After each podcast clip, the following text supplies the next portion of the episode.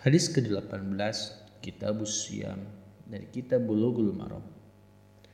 An Anas radhiyallahu anhu qala Awwalu ma kurihatul hijamatu lis-shaimi anna Ja'far ibn Abi Talib ihtajama wa huwa shaimun famarra bihi an-nabiy sallallahu alaihi wasallam faqala aftar hadhani ثم رخص النبي صلى الله عليه وسلم بعد في الهزامة للصائم فكان أنس يحتزم وهو صائم رواه الدار قطني وقواه Dari Anas bin Malik radhiyallahu anhu dia berkata, pertama sekali dimakruhkan pembekaman bagi orang yang berpuasa itu ialah sewaktu Ja'far bin Abu Talib berbekam sedang dia dalam keadaan berpuasa.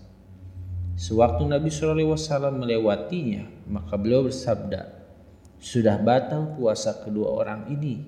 Kemudian Nabi SAW memberikan keringanan sesudah itu untuk berbekam bagi orang-orang yang berpuasa. Dan Anas pernah berbekam sewaktu dia sedang berpuasa. Hadis riwayat Ad-Darukutni dan dia menilainya kuat.